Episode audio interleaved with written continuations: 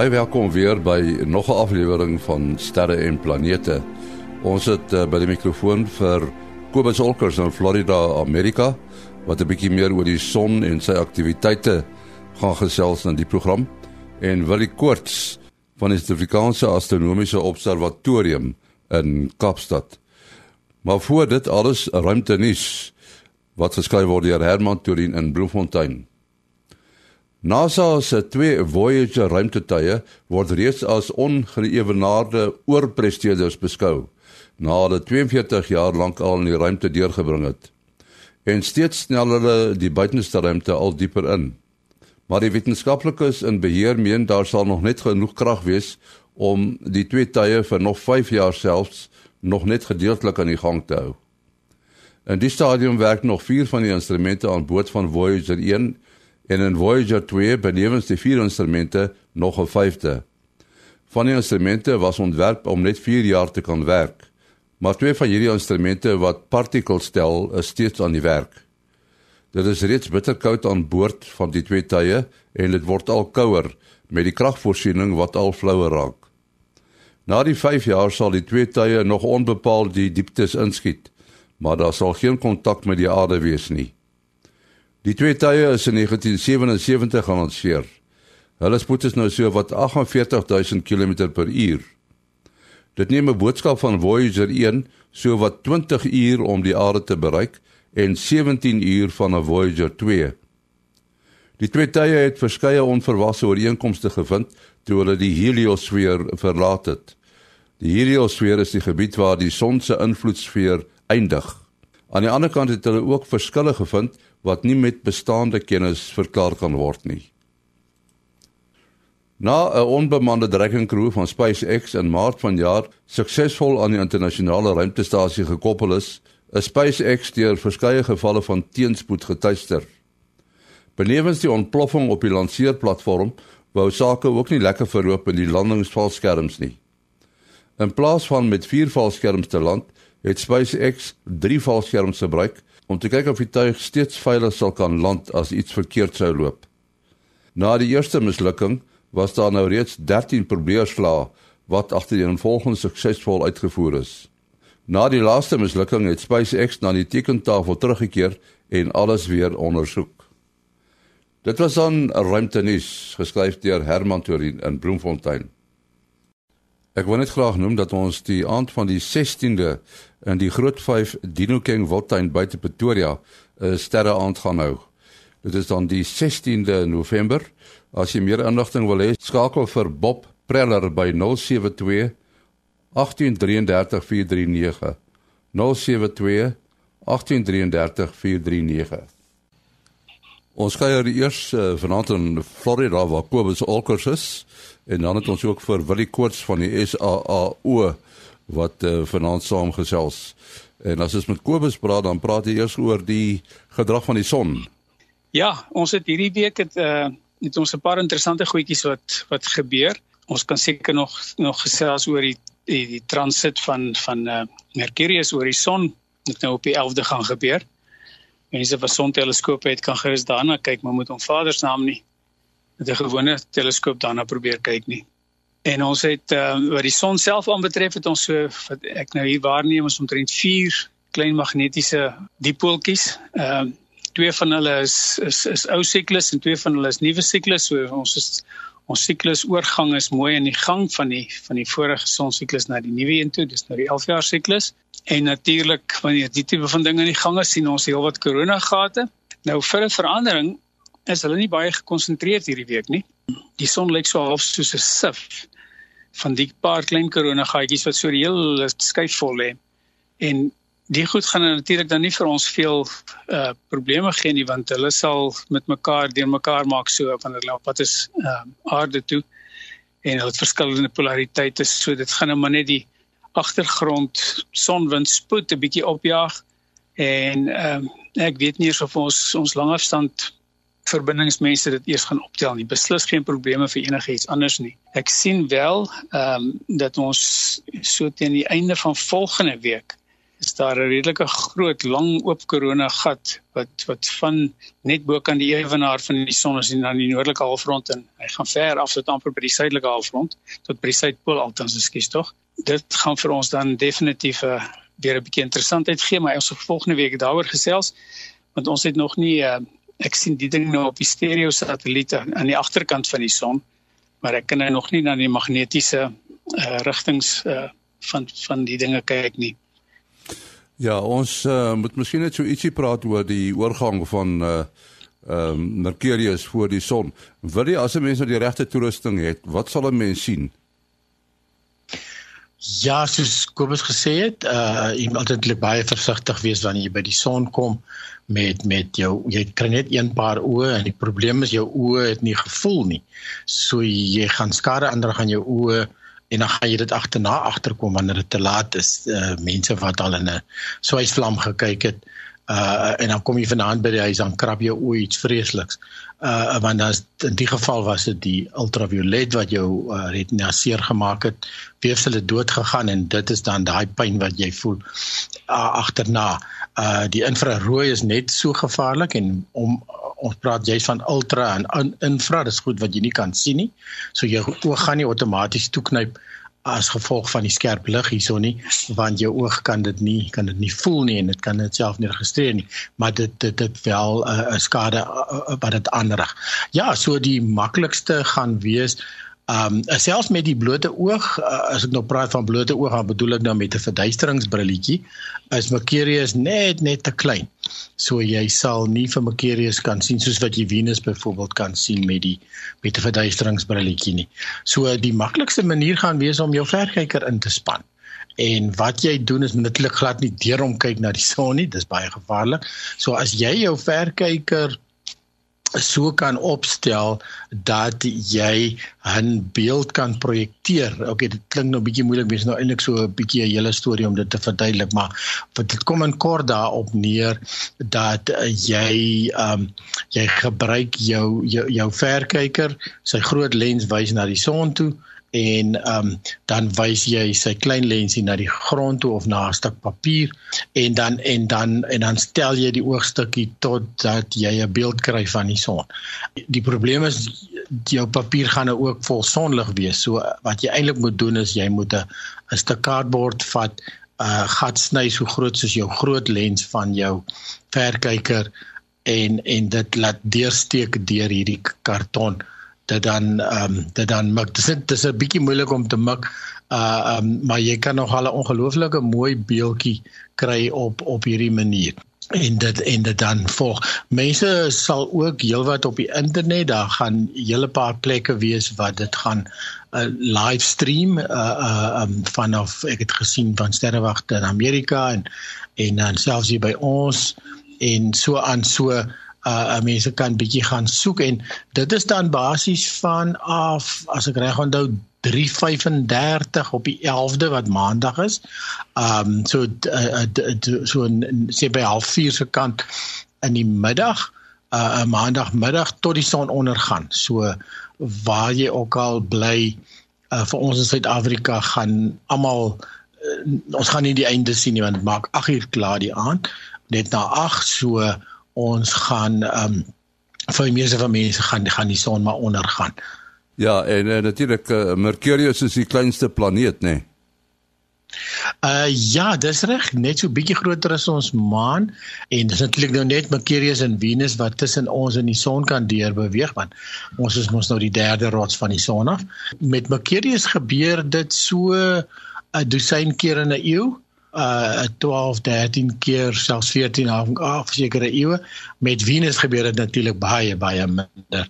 Dit dit gebeur so 8 jaar uit mekaar uit en dan herhaal dit weer eers oor oor meer as 100 jaar. So die laaste keer was 2004 en 2012 as jy dit gemis het ehm um, moet jy of baie lank lewe of jy of maar uh, jou kanse want dit is iets soos 120 jaar wat dit weer eers gaan gebeur Ek wil sê 'n bietjie gesels oor die feit dat uh, Voyager 2 nou die sogenaamde heliosfeer verlaat het en hy is nou in die sogenaamde diep ruimte. En uh, as mens nou kyk na die berigte, is daar 'n interessante feit wat na vore kom en dit is dat uh, die ouens wat met Voyager werk, het 'n uh, verandering in die digtheid van plasma waargeneem. Nou uh, Kobus, uh, jy praat baie keer van plasma in die son. Wat is plasma presies? Ja, ja, en die plasma is is die is die vierde die vierde fase van van van materie. Jy kry mos nou die gefriesde ene fase en jy kry die die eh, solide die, die, die met ander woorde die soliede fase. Jy kry dan 'n 'n vloeibare fase van die van die meeste elemente en jy kry uh, ook 'n gasfase wat nou as ons nou net na water kyk, dan is dit nou ys byvoorbeeld en wat die vaste wat die by die soliede ene is, water is die vloeibare ene en stoom is die uh, of waterdamp is die is die uh, die gasfase maar as jy die ding nou verder uh martel met of of hitte of met of met 'n elektro uh, met 'n elektroniese veld baie sterk elektromagnetiese veld dan kan jy dit regkry om die elektrone los te breek van die van die van die kerns van van die materie af en dan kry jy 'n geïoniseerde ding. Met ander woorde dan sit dan sit daar 'n wolk van van kerns wat positief gelaai is en jy het en en daarmee uh, deur mekaar is daar dan uh, elektrone wat rond rondtrek. En dan is die definisie van 'n van 'n plasma as ek reg onthou is is uh, dit gebeur wanneer die die die molekules of die um, die kerns van van enige van enige element nie meer enige spesifieke elektrone het wat met hom geassosieer is met an, met ander woorde alles is of van die hitte weg van hom afgeneem of met 'n baie sterk uh magneetveld ag ag elektro elektromagnetiese veld. Meeste mense baie goeie voorbeelde van 'n plasma, byvoorbeeld waar dit nou deur elektromagnetisme veroorsaak word, uh is is byvoorbeeld 'n weerlig, die die die blou wat jy sien daar in die weerlig of die geel uh is is 'n is 'n plasma. Dit is die lug wat uitmekaar uitgetrek is deur elektrisiteit en uh dan van die oomblik as jy 'n plasma het, dan gebeur daar baie interessante goed met met hierdie met hierdie plasma. Hy staan byvoorbeeld nogal goed geleidend. 'n uh, Ander baie goeie voorbeeld van 'n plasma is is is hierdie fluoresente buise wat 'n mens kry.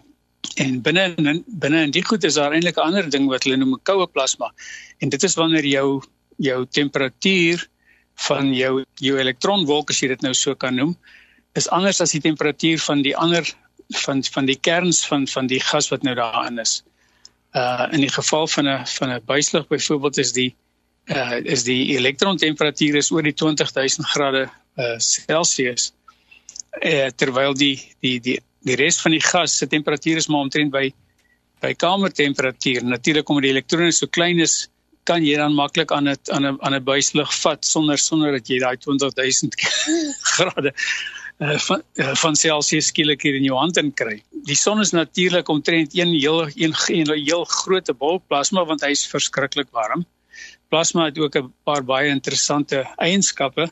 Uh soos wat ons al vroeër gepraat het as jy die koronamassa uitbarstings wat ons van die son af kry, dit is maar 'n bol plasma wat daar wegkom. En plasma het verskriklike interessante eienskappe. Byvoorbeeld die met die CME's die uh koronamassa uitbarstings wat daar wegkom as hy in in die in die teenwoordigheid van 'n magneetveld gevorm word, dan word daai plasma word dan eintlik 'n permanente magneet, plasma permanente magneet. En die ding is dan soos 'n staafmagneet wat so al woerende van die son afkom en dan na, na die aarde se kant toe uh, en so aan. Maar die plasma wat ons nou daarvan gesels oor met Voyager Miskien moet ons net eers gou teruggaan om om nog 'n nog 'n dingetjie uh, nog 'n feit gou te verstaan. En dit is nou die magnetosfeer uh van die aarde van die son, van die aarde en van die son. Soos ons weet, nou al lankal het ons hierdie magnetosfeer. Die aarde is 'n is 'n is 'n baie groot staafmagneet in sy eenvoudigste vorm.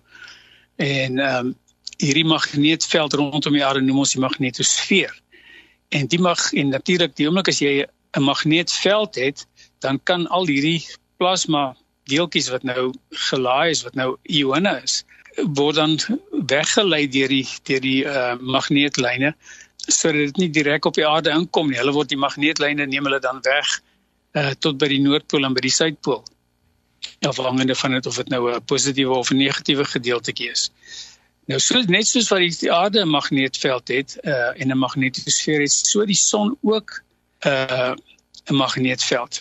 En beide van van van van die magneetvelde die die aarde sin as as 'n mens nou kyk na die son wat nou 'n groot klomp uh van hierdie plasma deeltjies nou heeltyd na die aarde toe uitsaai. Ehm uh, 'n ander naam vir daarvoor kan mens eintlik maar radioaktiwiteit noem. Dit is maar uh vreeslike vinnige partikels wat wat afkom in die in die koers van die aarde en die goed druk dan voort in die so teen die, die voorkant, die sonkant, die die ligkant van die aarde druk hulle nou so vas en dan vervorm die magneetveld van die aarde nou. Dit is dan daar's nou allerlei redes daarvoor, maar dit lyk soos die boeg die as jy nou met 'n met 'n skip vaar en en um, dan kry jy altyd so 'n golf voor die boeg van die skip. En die boeggolf noem ons dan die magnetopause. Dit is nou waar die die magneetveld net so hard terugdruk as wat die as wat die eksterne druk van die sonwind nou kom. Nou ons het presies 'n soortgelyke ding rondom die son. Die son het ook 'n magneetveld, 'n massiewe groot magneetveld. Hy het ook 'n magnetopause, net soos wat die aarde een het. Met ander woorde, hy het ook so 'n boeggolf voor hom om ons nou weer te beskerm van al die geleide partikels wat wat van die interstellêre medium afkom. Die kosmiese strale byvoorbeeld wat wat wat deurkom. Wat 'n mens dan kry as jy nou en ek dink die die die boeggolf voor 'n skip is die maklikste manier om dit vir 'n mens in te dink. Uh mense kry ook dieselfde vorm as as jy kyk na die, die fotos van dinge wat vinniger is klank gaan ehm um, byvoorbeeld vliegtye dan sien jy maak ook so 'n golf so 'n boeggolf voor hom en in die boeggolf is die is die partikels baie dig hulle is baie saamgedruk want die wanneer jy druk van die agterkant af en van die voorkant af so jy het 'n baie hoë digtheid van partikels en wat wat Voyager nou waargeneem het is hy het sy partikels uh, het gekyk nou na die plasma digtheid hoeveelheid gedeeltetjies of partikels wat daar nou was.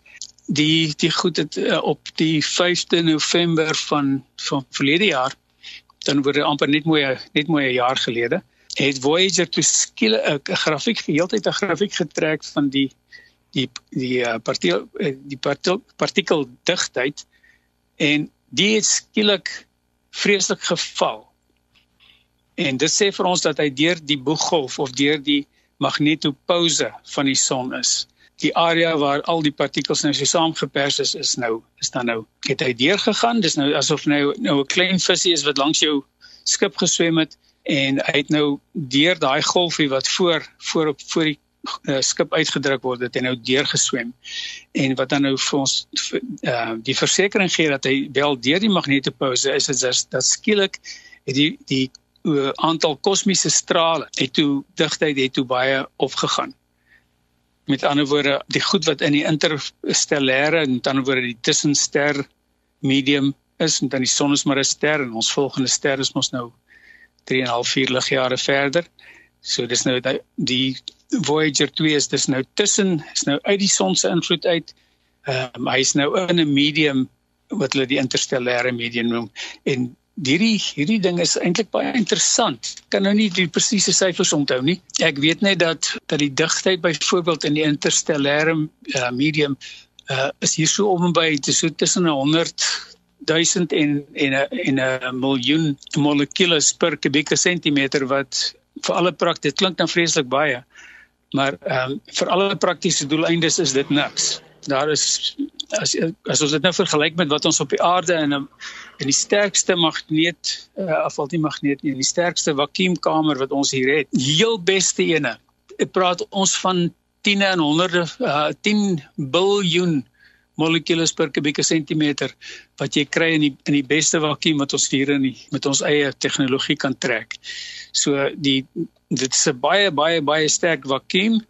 Ehm um, die partikels is baie min die die plasma, die interstellêre plasma, uh, die bestaan dan so omtrent as ek reg onthou sê oor die 90% rond van van uh, waterstof wat natuurlik geioniseer is, met ander woorde dis 'n plasma en dan is daar so omtrent uh, 8% helium, inertie, uh koolstof en uh, en dit is dan die gasse wat wat ons in die tussen die sterre het ek dink uh, dit beantwoord hopelik die vraag. Nee, maar goed, baie dankie. Uh wil jy ons het nou nie meer baie tyd oor nie. Net vinnig uh, die vraag van uh, John Mulder uh oor uh Halley se komeet. Uh, hy is mos nou elke hoeveel jaar is dit 90 jaar wat hy verbykom. Uh 76 as ek reg onthou. 76 ja. ja. Ja. Yes, yes. Ja, John wou ja, weet hy, of hy gaan draai uh, wat sy verse draaipunt. Uh dis reg en hy vra of dit nog in ons eie galaksie is natuurlik ja is natuurlik nog binne ons eie sonnestelsel gelukkig gaan hy nie so ver nie ja so 'n uh, heliese komeet se draaipunt is net so binnekant die baan van Pluto en en in 2024 is dit wanneer hy op sy verste punt gaan draai Ehm um, so is en natuurlik die baan lê nie in die vlak van die planete nie. So die hy hy gaan so skuins onder in ons sonnestelsel af in in hierdie baie sigaarvormige baan. Ehm um, en dan uh, uh dan vra hy uh um dan ja dan sê hy byvoorbeeld soos hierdie uh um of of die hemelliggame hom nie gaan versteur nie. Nou ja, omdat hy natuurlik nie in die vlak van die planete beweeg nie, is daar is die kanse vir 'n verstoring natuurlik baie min. Um en hy praat van hemelliggame, maar hy het nog gedink hy gaan uit die galaksie uit so. Hy bly daarom net in ons in ons eie eie sonnestelsel. Ja, so uh, uh, hy vergelyk dit met die uh, Shoemaker-Levy gebeurtenis uh, wat uh, die komeet uiteindelik in Jupiter ingebots het. So wat natuurlik daar gebeur het is is dat die komeet, die son is mos nou maar die hoogste, die grootste massa in ons sonnestelsel en dis waarom basies alles draai en op 'n stadium het die komeet naby Jupiter verbygegaan. Jupiter het hom gevang en en hy was so in 'n wentelbaan om Jupiter, nie meer om die son nie. En en toe 'n paar ehm um, keer om Jupiter en uiteindelik al hoe nader gekom en toe op Jupiter ingeval. So ehm um, so dit, dit was so my Levy, nee. Dit was as jy my Levy gewees, ja. dis korrek. Ja, ja, ja. Wat uh, welke wat is die hierdie komete mos uh, los mos so 'n stofstreep agter hom. Die rooi. En ehm um, en Dis reg. Um, maar ek bedoel in die permanente stofstreep wat daar sit. Ehm um, dit is dit die Leonid uh meteo uh meteoriete wat ons wat wat in uh, Halley sit? Wat se yes. Halley se komeet gee vir ons twee meteor reëns in 'n jaar. Uh, ek is nou nie, ek dink Leonides is een van hulle. Ehm um, en ek dink amper die ander een is die die Orionides, maar ek is nie 100% mm. Seker nie, maar maar ja, soos jy sê, so daar is wel 'n uh, uh, gemors wat agterbly in die baan en uh, die aarde en die en die bly relatief tot die sonnestelsel altyd op dieselfde plek. So as die aarde dan daardeur beweeg en dis hoekom dit ook altyd op 'n sekere tyd van die jaar, dieselfde tyd van die jaar elke jaar gebeur wanneer die aarde dan deur die oorblyfsels van Halley se komeet se se in sy baan beweeg en dan kry ons 'n verhoogde verskietende sterre kan jy maar amper sê of meteore wat dan nou die regte naam is. Ons moet ongelukkig afsluit. Kobus, jou besonderhede. Dis Kobus Olkers by gmail.com k o b u s o l c k e r s by gmail.com. En dan wil jy joune Ja, mense kan bel WhatsApp of SMS 0724579208. 0724579208. En my e-posadres is maas.henny@gmail.com. maas.henny@gmail.com. Volgende week is ons weer hier. Tot dan, alles van die beste.